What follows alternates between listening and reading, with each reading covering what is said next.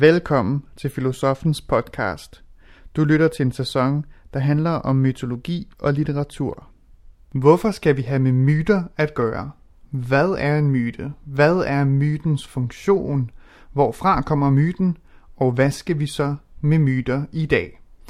Det er de fem spørgsmål, Anders Fogh Jensen i det her afsnit vil tage dig igennem. Kort sagt, det skal handle om myter, og det skal det i hele denne podcast-sæson. Optagelsen er fra den 10. december 2012. Rigtig god fornøjelse. Mit navn er Anders Fogh Jensen. I dag er der fem spørgsmål, vi skal besvare. Det første er, hvorfor skal vi overhovedet have med myter at gøre? Det andet spørgsmål er, hvad er en myte? Det tredje spørgsmål er, hvad er mytens funktion? Det fjerde spørgsmål er, hvorfra kommer myten? Og endelig det femte spørgsmål, der vender tilbage til det første, hvad skal vi så med myter i dag? Altså hvorfor myter? Hvad er en myte? Mytens funktion? Hvorfra kommer myten? Og hvad skal vi med myter i dag? Myter. Hvorfor skal vi beskæftige os med myter? Det skal vi, fordi at vi skal tage myten alvorligt. Vi skal måske ikke tage den bogstaveligt, som om den fortæller os, at dette er det der hent, af at Jesus levede, eller Odysseus levede, eller krigen i Troja fandt sted. Men vi skal tage den alvorligt som en øh, overbringelse af nogle menneskelige vilkår og en visdom om de menneskelige vilkår, som øh, myten vil fortælle os, og som ældre generationer vil fortælle os igennem myten. Øhm, normalt så er vi vant til at, og, øh, eller i hvert fald i dagligsproget er vi vant til at sige, at en myte er en løgn. En, øh, hvis man siger, at det er bare en myte, så betyder det, at det passer jo ikke. Eller en mytoman er en, der, en, der går rundt og, og lyver, eller en, en lystløgner, som det hed i gamle dage. Øhm, men det, som bliver vigtigt her, det er at spørge sig selv, hvad er det sande i det falske? Altså, hvad er der af sandt i myten, som bliver overbragt? På den måde så tager man myten alvorligt, men tager den seriøst, men ikke nødvendigvis bogstaveligt. Man kan sammenligne den her situation lidt med en læge, der skal ind og tale med øh, for eksempel en skizofren patient, og øh, øh, på en måde så kan man jo, vil man let kunne øh, gå ind og sige, Nå, hvilke vrangforestillinger er der nu i dag, på hvilken måde bliver der nu sagt noget forkert i dag. Man kunne også, som en, en psykiatrisk overlæge, jeg mødte engang, sige, ja, hvorfor har denne patient netop disse vrangforestillinger, og hvorfor arter de sig netop på denne måde? Er det måske sandt på en måde, at det hele er øh, et setup, eller øh, at øh, patienten for eksempel øh, familie ikke er den rigtige familie og sådan noget. Man kunne spørge, hvordan, hvordan er det i virkeligheden sandt? Øh, er det fordi, der har været en stor afstand imellem dem, eller, eller hvad er det? Så man kan sige, at den første tilgang til øh, vrangforestillingerne ville være øh, den samme, som videnskaben ville gøre, når den gik til myten og sige, det er jo falsk. Det, vi kan jo se, at øh, det kan ikke passe, at Odysseus kan sejle rundt der. Den der ø findes ikke og sådan noget. Det andet øh, ville være at tage myten alvorligt og sige, okay, hvorfor netop dette? Hvad vil man sige med dette? Så det, som jeg også gerne vil gå op med her, det er myten om mytefrihed, altså tanken om, at vi skulle kunne blive fri fra myter. Set fra videnskabens eller fornuftens synspunkt, øh, så er myten det sted, hvor øh, løgnen bliver fortalt. Men set fra mytens synspunkt, så er historien eller ideen om mytefrihed selv en myte. Det er bare en myte, kan man sige. Øh, måske skulle man snarere sige, at det der er virkelig en myte. Det har noget stof i sig, noget sandhed i sig. Og i opgøret med myten om mytefrihed, eller i hvert fald øh, ikke opgøret med det, men så øh, synet på det som en myte, der har vi også myten om, at filosofien skulle være startet med en overgang fra mytos til logos.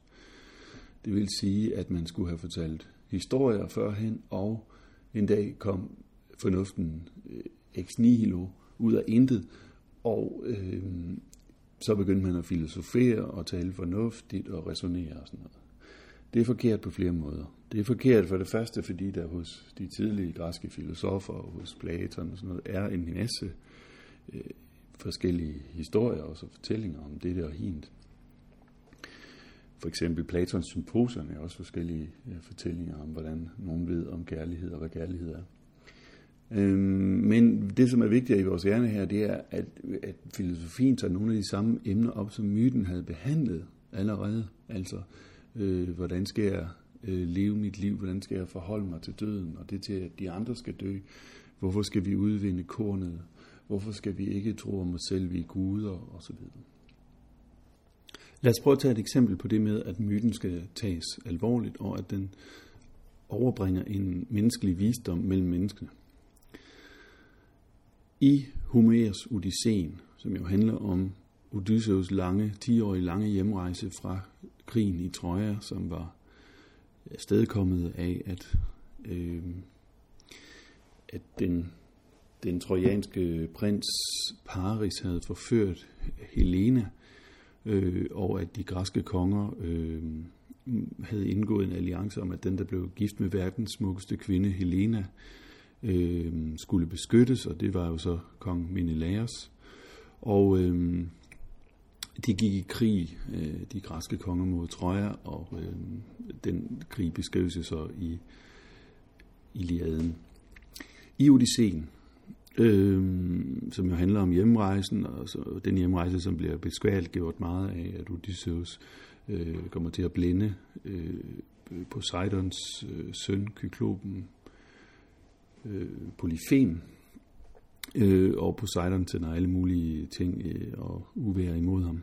På et tidspunkt handler, øh, lander Odysseus på øh, en ø hos en græsk gudinde, der hedder Kalypso. Kalyptegn på græsk betyder at gemme eller at skjule, og øh, Odysseus øh, befinder sig her i øh, ikke mindre end syv år, og øh, har en øh, på, på, på en måde et øh, dejligt liv, fordi der er masser af nymfer, øh, der er masser af frugt og vin, og alt er på en måde godt. Og øh, Odysseus har ikke bare sex med nymferne, han er også øh, øh, sammen med gudinden, og øh, øh, ja, som jo forelsker sig i dette vise menneske, som Odysseus er. Og ikke desto mindre så øh, har øh, så har Odysseus en, øh, en øh, kraftig hjemvej. Det man senere øh, med et kunstudtryk skal kalde nostalgi. Nostos algos, altså et, et, en hjemmelidelse. Øhm, og på et tidspunkt bliver det egentlig for meget for Athene, så hun beder Zeus om at, at gøre noget ved det her, og Zeus sender Hermes ned til øh, Calypso. Til Calypso siger øh, Hermes, at hun skal øh, frigive ham og sende ham afsted. Og det sætter Kalypso så sådan set ikke op imod, men hun giver ham en anden mulighed. Hun siger nemlig, øh, Odysseus, rejs du bare, hvis du vil, men jeg vil tilbyde dig to ting. Jeg vil tilbyde dig evigt liv, og jeg vil tilbyde dig evig ungdom. Hvorfor tilbyder hun ham evig ungdom? Jo, det er fordi, øh, der var en anden historie, hvor øh, gudinden Aurora, altså månen, eller morgengryet, øh, blev, øh, gav en dødelig tyton øh, evigt liv, og øh, der skete jo bare det, at efterhånden som tyterne blev 200, 300, 400 år, så begyndte han mere og mere at skrubbe ind til en rosin. Så hun tilbyder ham altså ikke bare evigt liv, men hun tilbyder ham også et, en evig ungdom. Eftersom at det, at man skal forgå, det, at man skal dø, øh, er et af de mest alvorlige menneskelige vilkår, så skulle man jo tro, at Odysseus ville tage imod det her. Man kan sådan set sige, at mennesket er det eneste væsen, der skal dø og ved, at det skal dø. Guderne skal ikke dø. Dyrene skal dø, men de ved det ikke. Mennesket ved, at det skal dø, og derfor giver det sig til at anticipere livet. Det giver sig til at foregribe, hvad skal jeg gøre med mit liv, inden jeg dør? Hvordan skal jeg forholde mig til det, at jeg skal dø? Øhm, Og, og det er det, som myten i høj grad også er et svar på. Så på en måde så er det, tilbyder Kalypso jo egentlig Odysseus en løsning her. Du behøver ikke at dø. Det er en anden løsning end, man kan sige, den kristne løsning er at sige, øhm, bare roligt, du skal ikke dø rigtigt, du kommer til et andet rige, hvor din øh, kære venter dig. Men den græske myte og filosofien vil jeg også mene, det handler om at finde øh, frelse uden et andet rige. Altså at finde ud af, hvordan skal jeg leve det her liv, velvidende at jeg skal dø, velvidende at jeg kan blive syg, velvidende at det kan gøre ondt. Øh, hvordan skal jeg øh, Øh, gøre det? Og man, øh, en af løsningerne er jo, som de stoiske filosofer siger, senere siger, vid at det kan gå galt, vid at det kan gøre ondt, vid at du kan blive ked af det, men lad dig ikke styre af frygten. Der er en ting, der er værre, det er at lade sig styre af frygten. For som stoikerne siger, hvis man frygter, så er der to ting, man ikke kan. Man kan ikke elske, og man kan ikke tænke. Odysseus, tilbage til ham, han svarer nej tak til det her tilbud, og rejser afsted mod øh, sit hjem i Ithaka, hvor Penelope og Telemachos og hans far Laertes venter ham.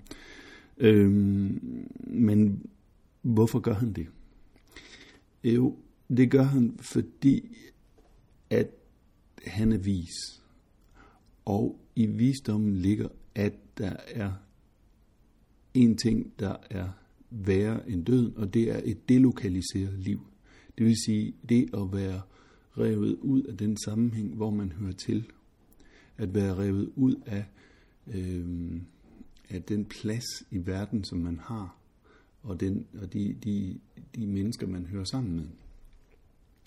Så det lokaliserede liv heller et dødeligt liv på sin plads, end et uendeligt liv ude af sin plads. Det er den visdom, som myten vil fortælle os her, at det gælder om at finde hjem for os alle sammen. Så dette var et svar på, hvorfor myter. Men der er et andet spørgsmål, vi også må tage op, nemlig hvad er en myte? Mytos betyder egentlig en fortælling eller en fabel. Og myten træder altid frem i fortællingens form. Det vil sige, at en myte kan ikke bare have formen, øh, bundemanden har altid travlt, som det hedder i en Paul Køller sang. Øh, myten må have, ligesom fortællingen, en udstrækning i tid, en udstrækning i rum, noget måske, der må være en omvending, der må være nogen, der vil noget med nogen. Så myten øh, træder frem i fortællingens form, men det er ikke alle fortællinger, der er myter omvendt. Myter er en delmængde af fortællinger. Eksempelvis så øh, er mine soldaterhistorier fra min tid som soldat, det er ikke en myte. Det er ikke noget, der øh, som myten forklarer en sammenhæng i kosmos, eller hvordan en orden bliver oprettet, eller noget, der er mere øh, almenmenneskeligt. Så myten har altså en generel karakter, som fortællingen ikke nødvendigvis har. Men fortællingen kan have det i mytens tilfælde. Derudover er der nogle andre ting, der kendetegner myten. Myten har ikke nogen forfatter. Det er en slags traditionshistorie, hvor nogen har nedskrevet noget på et tidspunkt. Øh, og myterne fortæller som ofte som om guder og, og halvguder og nogle overnaturlige væsener og deres interaktion med mennesker. Øh, og den myten er heller ikke på en, sådan placeret i en tid, som en, en i historisk tid, det foregik i den epoke, men det er sådan en, en slags primaltid, en, en tid før tiden, eller øh, før den historie, som vi sådan øh, kender. Det kan også øh, tage sådan nogen som Frankenstein, eller, eller Faust, eller sådan nogle øh, øh myter, som øh, huserer, som på et tidspunkt bliver nedskrevet af, af forskellige forfattere, men de har ikke øh, den karakter af at være, øh, hvad kan man sige, foregå i 1664 eller et eller andet. Øh, og så har myten, øh, hvad kan man sige, en slags øh, fragmenter og rodet logik, ligesom drømme. Og det, det, det, der er også blevet lavet en del sammenligninger med drømme, blandt andet den amerikanske myteforsker Joseph Campbell, der siger, at, at, at drømmen er egentlig en øh, personaliseret myte, og myten er en depersonaliseret drøm. Det er en særlig psykologisk måde at gå til øh, myten på, at myten skulle have øh, menneskets psykologi i sig. Øh, der er jo andre ting, der sådan grænser op til myten, som man også kan sammenligne den med. Man kan sammenligne myten med legenden eller med sagaen, derved at, at Øh, de adskiller sig. De er jo, legenden og sagaen er også fortællinger, men de adskiller sig derved, at legenden og øh, sagaen baserer sig på noget historisk, for eksempel historien om kong Arthur. Øh, myten adskiller sig også fra folkefortællinger og folkeviser, øh, ved at, kan man sige, øh, øh, ligesom, også ligesom eventyret i øvrigt, så, så, så forklarer de ikke verden, men de, de underholder og de opdrager eventuelt ikke, at Øh, Hans og Grete fortæller om, hvad kan der ske, hvis man ikke lytter efter mor eller efter far. Så myten har også dette opdragende øh, eller rådgivende element, men det er en mere almen ting end, end øh, folkevisen og eventyret. Og eventyret er jo også en særlig romantisk figur, som særlig får sin storhedstid der i det 19. århundrede. Hvad er så mytens funktion? Myterne er historier om mennesker og helte, det har vi allerede sagt, overnaturlige væsener og kræfter.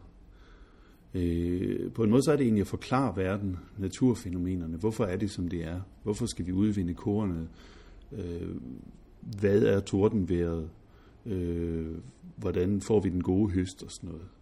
Forklare naturfænomener, og man kan sige på en måde, den forklaring, den forklarer noget universelt, en måde at sige, øh, hvad en myte er på, det er at sige, at dens hvorfor praller af. Man kan ikke spørge, hvorfor så det?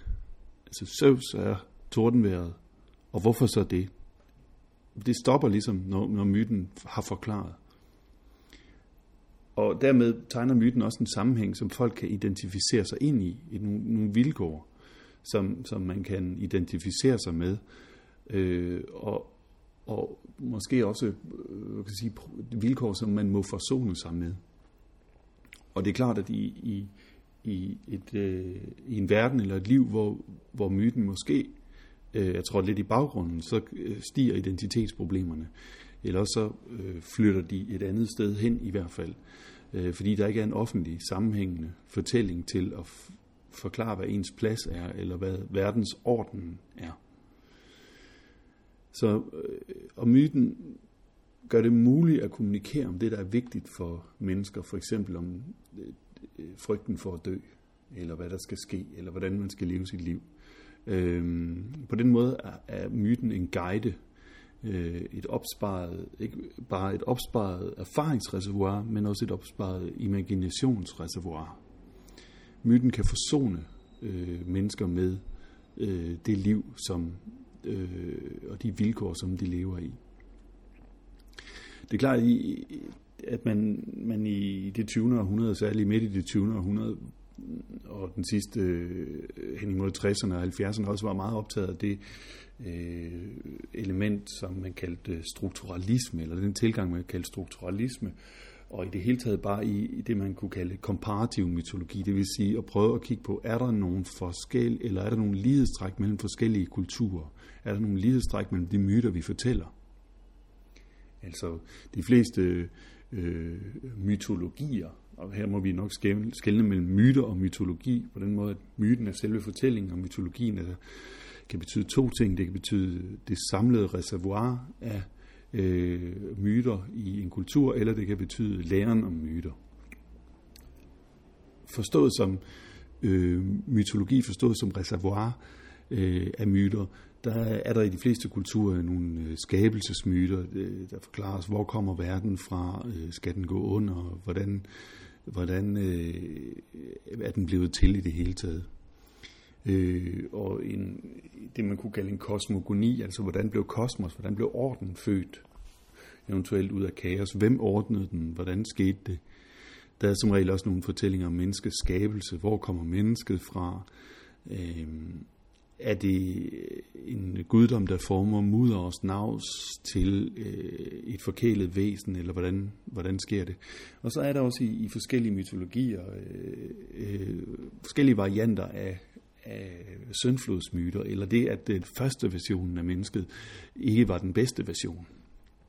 At mennesket øh, på en eller anden måde må renses ud Øh, vi kender det fra Noahs ark eller fra den græske mytologi, hvor vi har Dekalions ark, hvor Dekalion og Pyra bliver dem, der bliver udset til at skulle følge mennesket videre. Det er også en, øh, som regel en introduktion af, hvorfor skal vi dø, hvorfor skal vi blive syge, hvordan kan det være. Øh, og samtidig er der også en, en forklaring af, hvad det hinsides er for noget. Det, der ligger uden for jorden, altså Hades, eller Lysium, eller Himmeri, eller Paradis, hvad det nu er. Der er som regel øh, nogle overnaturlige væsener, og der er også øh, i nogle øh, mytologier eksempler på, øh, at verden går under, eller skal gå under. Øhm, og så er der noget om, om civilisationers fødsel og, og, og det, man kalder grundlæggelsesmyte, altså hvordan at nogen øh, gør krav på at øh, have ret til en eller anden by eller sådan noget, fordi de er født ud af jorden her, de er autoktone, som man siger i den græske mytologi. Og, og der rører vi også med et meget øh, vigtigt punkt omkring mytens funktion, nemlig at den kan øh, legitimere, øh, at nogle folk har ret til noget og ikke til andet. Man kan sige, at nazismen var et eksempel på en mobilisering af en mytologi med henblik øh, på at legitimere øh, visse former for politikker. Det spørgsmål stiller sig selvfølgelig, hvorfra kommer myten? Er det fra kulturen, kulturen der fortæller om sig selv? Er det, som den komparative mytologi vil foreslå, noget universelt menneskeligt? Eller er det eventuelt i forbindelse hermed noget psykisk ved mennesket, der gør det. En psykolog, psykoanalytiker har særlig beskæftiget sig hermed, og det er Jung.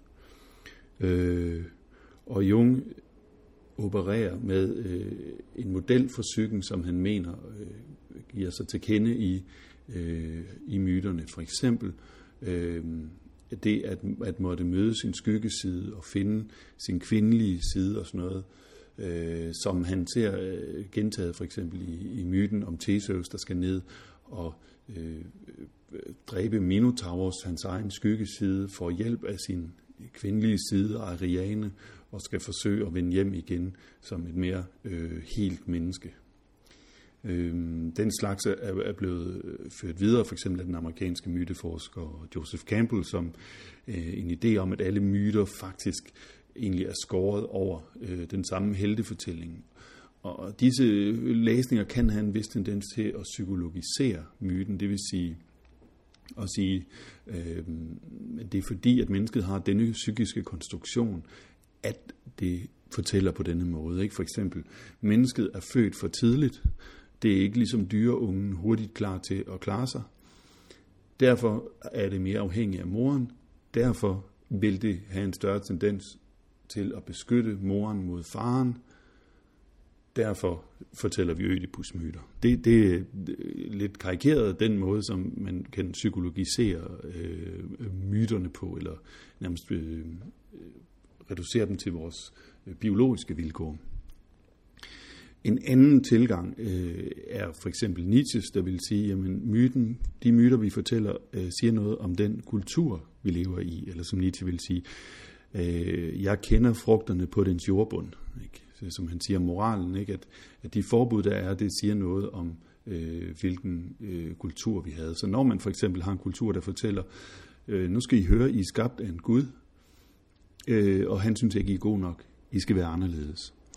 Så siger det noget om, øh, at man har en kultur af bebrejdelse. Vi kunne jo også have fortalt en øh, historie om en kultur, hvor øh, eller en, en, en, vi kunne have fortalt en mytologi, hvor guderne sagde, I skulle gode nok, bare blive ved med det. Men det gjorde vi ikke. Så på den måde kan man sige, at der er både tilgange, der øh, tager udgangspunkt i psyken, der er andre, der tager udgangspunkt i kulturen, øh, og øh, dem, der tager udgangspunkt i psyken, har en tendens til at, at universalisere, mens dem, der tager udgangspunkt i kulturen, har en tendens til at øh, kulturalisere myten. Øhm, personligt vil jeg nok øh, stille spørgsmålet, om ikke det er sådan, at er det virkelig mennesket selv, der fortæller myten, eller er vi, øh, hvad kan man sige, hvis myterne er universelle, kan det så ikke være, at det er noget universelt, der bare fortæller øh, sig igennem os og igennem vores kultur? Spørgsmålet kan selvfølgelig stille sig, hvad skal vi egentlig med myter i dag? Har vi ikke fået en kultur, hvor videnskaben har taget over, og hvor det ikke øh, længere øh, er nødvendige at fortælle fortællinger for at finde ud af, hvordan verden hænger sammen? Nej, vil jeg svare til det. Vi har stadigvæk utrolig mange myter. Øh, vi har myter, i, når vi læser aviser om, hvordan videnskabelige opdagelser er kommet i stand, eller hvorfor vi går i krig, hvordan vi går i krig. Men vi har også myter for eksempel i, i filmen, som altså Hollywood er storproduktion eller reproduktør af, af myter. Øh, for eksempel om myten om, hvordan truslen kommer om det andet udefra, og hvordan helten kan genoprette øh, orden på jorden. Der er også mange kærlighedsmyter, øh, der handler om, hvad er, det, hvad er forelskelse, hvad er det rette parforhold, hvad, hvordan øh, skal man leve det, og, og hvornår føler man rigtig kærlighed og sådan noget. Og formålet med at kende de myter er sådan set ikke, at vi kan blive fri fra dem, men det er, at vi kan blive mere fri i dem. Altså at, at se på, hvad det er for en orden, der bliver os opstillet, og, og prøve at leve os ind i den, eller forholde os til den i det mindste. Nogle gange også, at vi kan finde en orden i det, ikke? fordi jeg mener, at en, en kultur, hvor, hvor myten samtidig øh, kan have det svært øh, som et, et, et offentligt mønster for, hvordan man skal være, øh, øh, så, kan, så, kan, så kan myten være det, hvor man kan på en måde, hvis man kigger på det som myter, kan man finde på plads i det. Endelig så vil jeg også gerne nævne sådan noget som øh, øh, den moderne økologi, som øh, på mange måder øh, øh, trækker på, på nogle af de samme forestillinger som den øh, græske, kosmosforestilling og de myter, der var knyttet til det. Altså øh, økologien opererer jo enormt meget i, at øh, kosmos, eller øh, økosystemet som det hedder, skal være i balance. Der er en øh, idé om, at den balance, den orden, der er i naturen, i sig selv er god, og den må mennesket ikke forstyrre. Og det, øh, hvad kan man sige, den, det, er en, det er en myte, som vi har haft siden øh, i den vestlige kultur, siden Prometheus-myten, altså myten om, at, at øh, mennesket øh, fik øh, kunstnerne fra Athene og ilden fra Hephaistos, fordi Prometheus stjal dem og gav til mennesket. Øh, og det hvad kan man sige, øh, der måtte så slå hårdt ned og straffede både mennesket og øh, øh, Prometheus. Men grunden til, at Zeus måtte slå ned, det var, at der ville komme uorden i kaos, hvis mennesket begyndte at skabe. Hvis mennesket selv kan skabe, øh, så er det ikke længere på sin plads, men så øh, laver det en ny orden. Og eftersom orden, den allerede eksisterende orden er god, så øh, bliver den nye orden øh, noget skidt.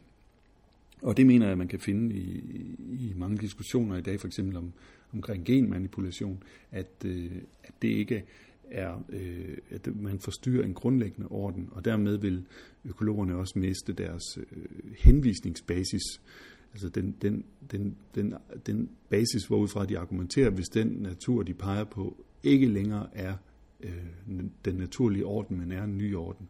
Fordi så kan spørgsmålet altid stille sig, hvorfor ikke ændre på den orden. Og på den måde øh, har vi øh, en, en masse øh, myter stadigvæk. Øh, myterne har ikke den samme legitimitet som før, men de fungerer stadigvæk. Og det er det, der er vigtigt at være så bevidst. Og det er det, jeg mener med, at, det, at man skal tale myten øh, alvorligt, men ikke nødvendigvis bogstaveligt, som at øh, denne og hin person har eksisteret, men at der er noget, der bliver formidlet. Og det, jeg så stiller spørgsmålstegn derved, er det kun psyken, psykens konstitution, der gør, at vi fortæller, som vi fortæller, eller er der også noget, der er større end os, som fortæller igennem os? Og det, det er den tanke, jeg øh, gerne vil slå lidt for trum for. thank you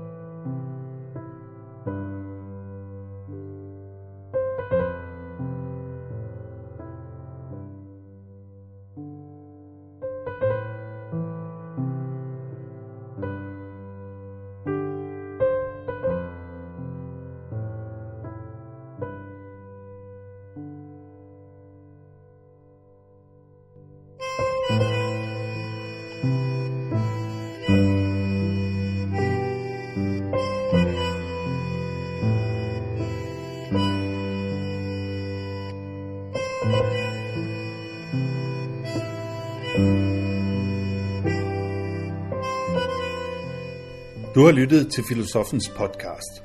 Se mere på min hjemmeside filosofen.dk og tag med mig på dannelsesrejse. Se dannelsesrejser.dk. Mit navn er Anders Fogh Jensen. Tak fordi du lyttede med. thank you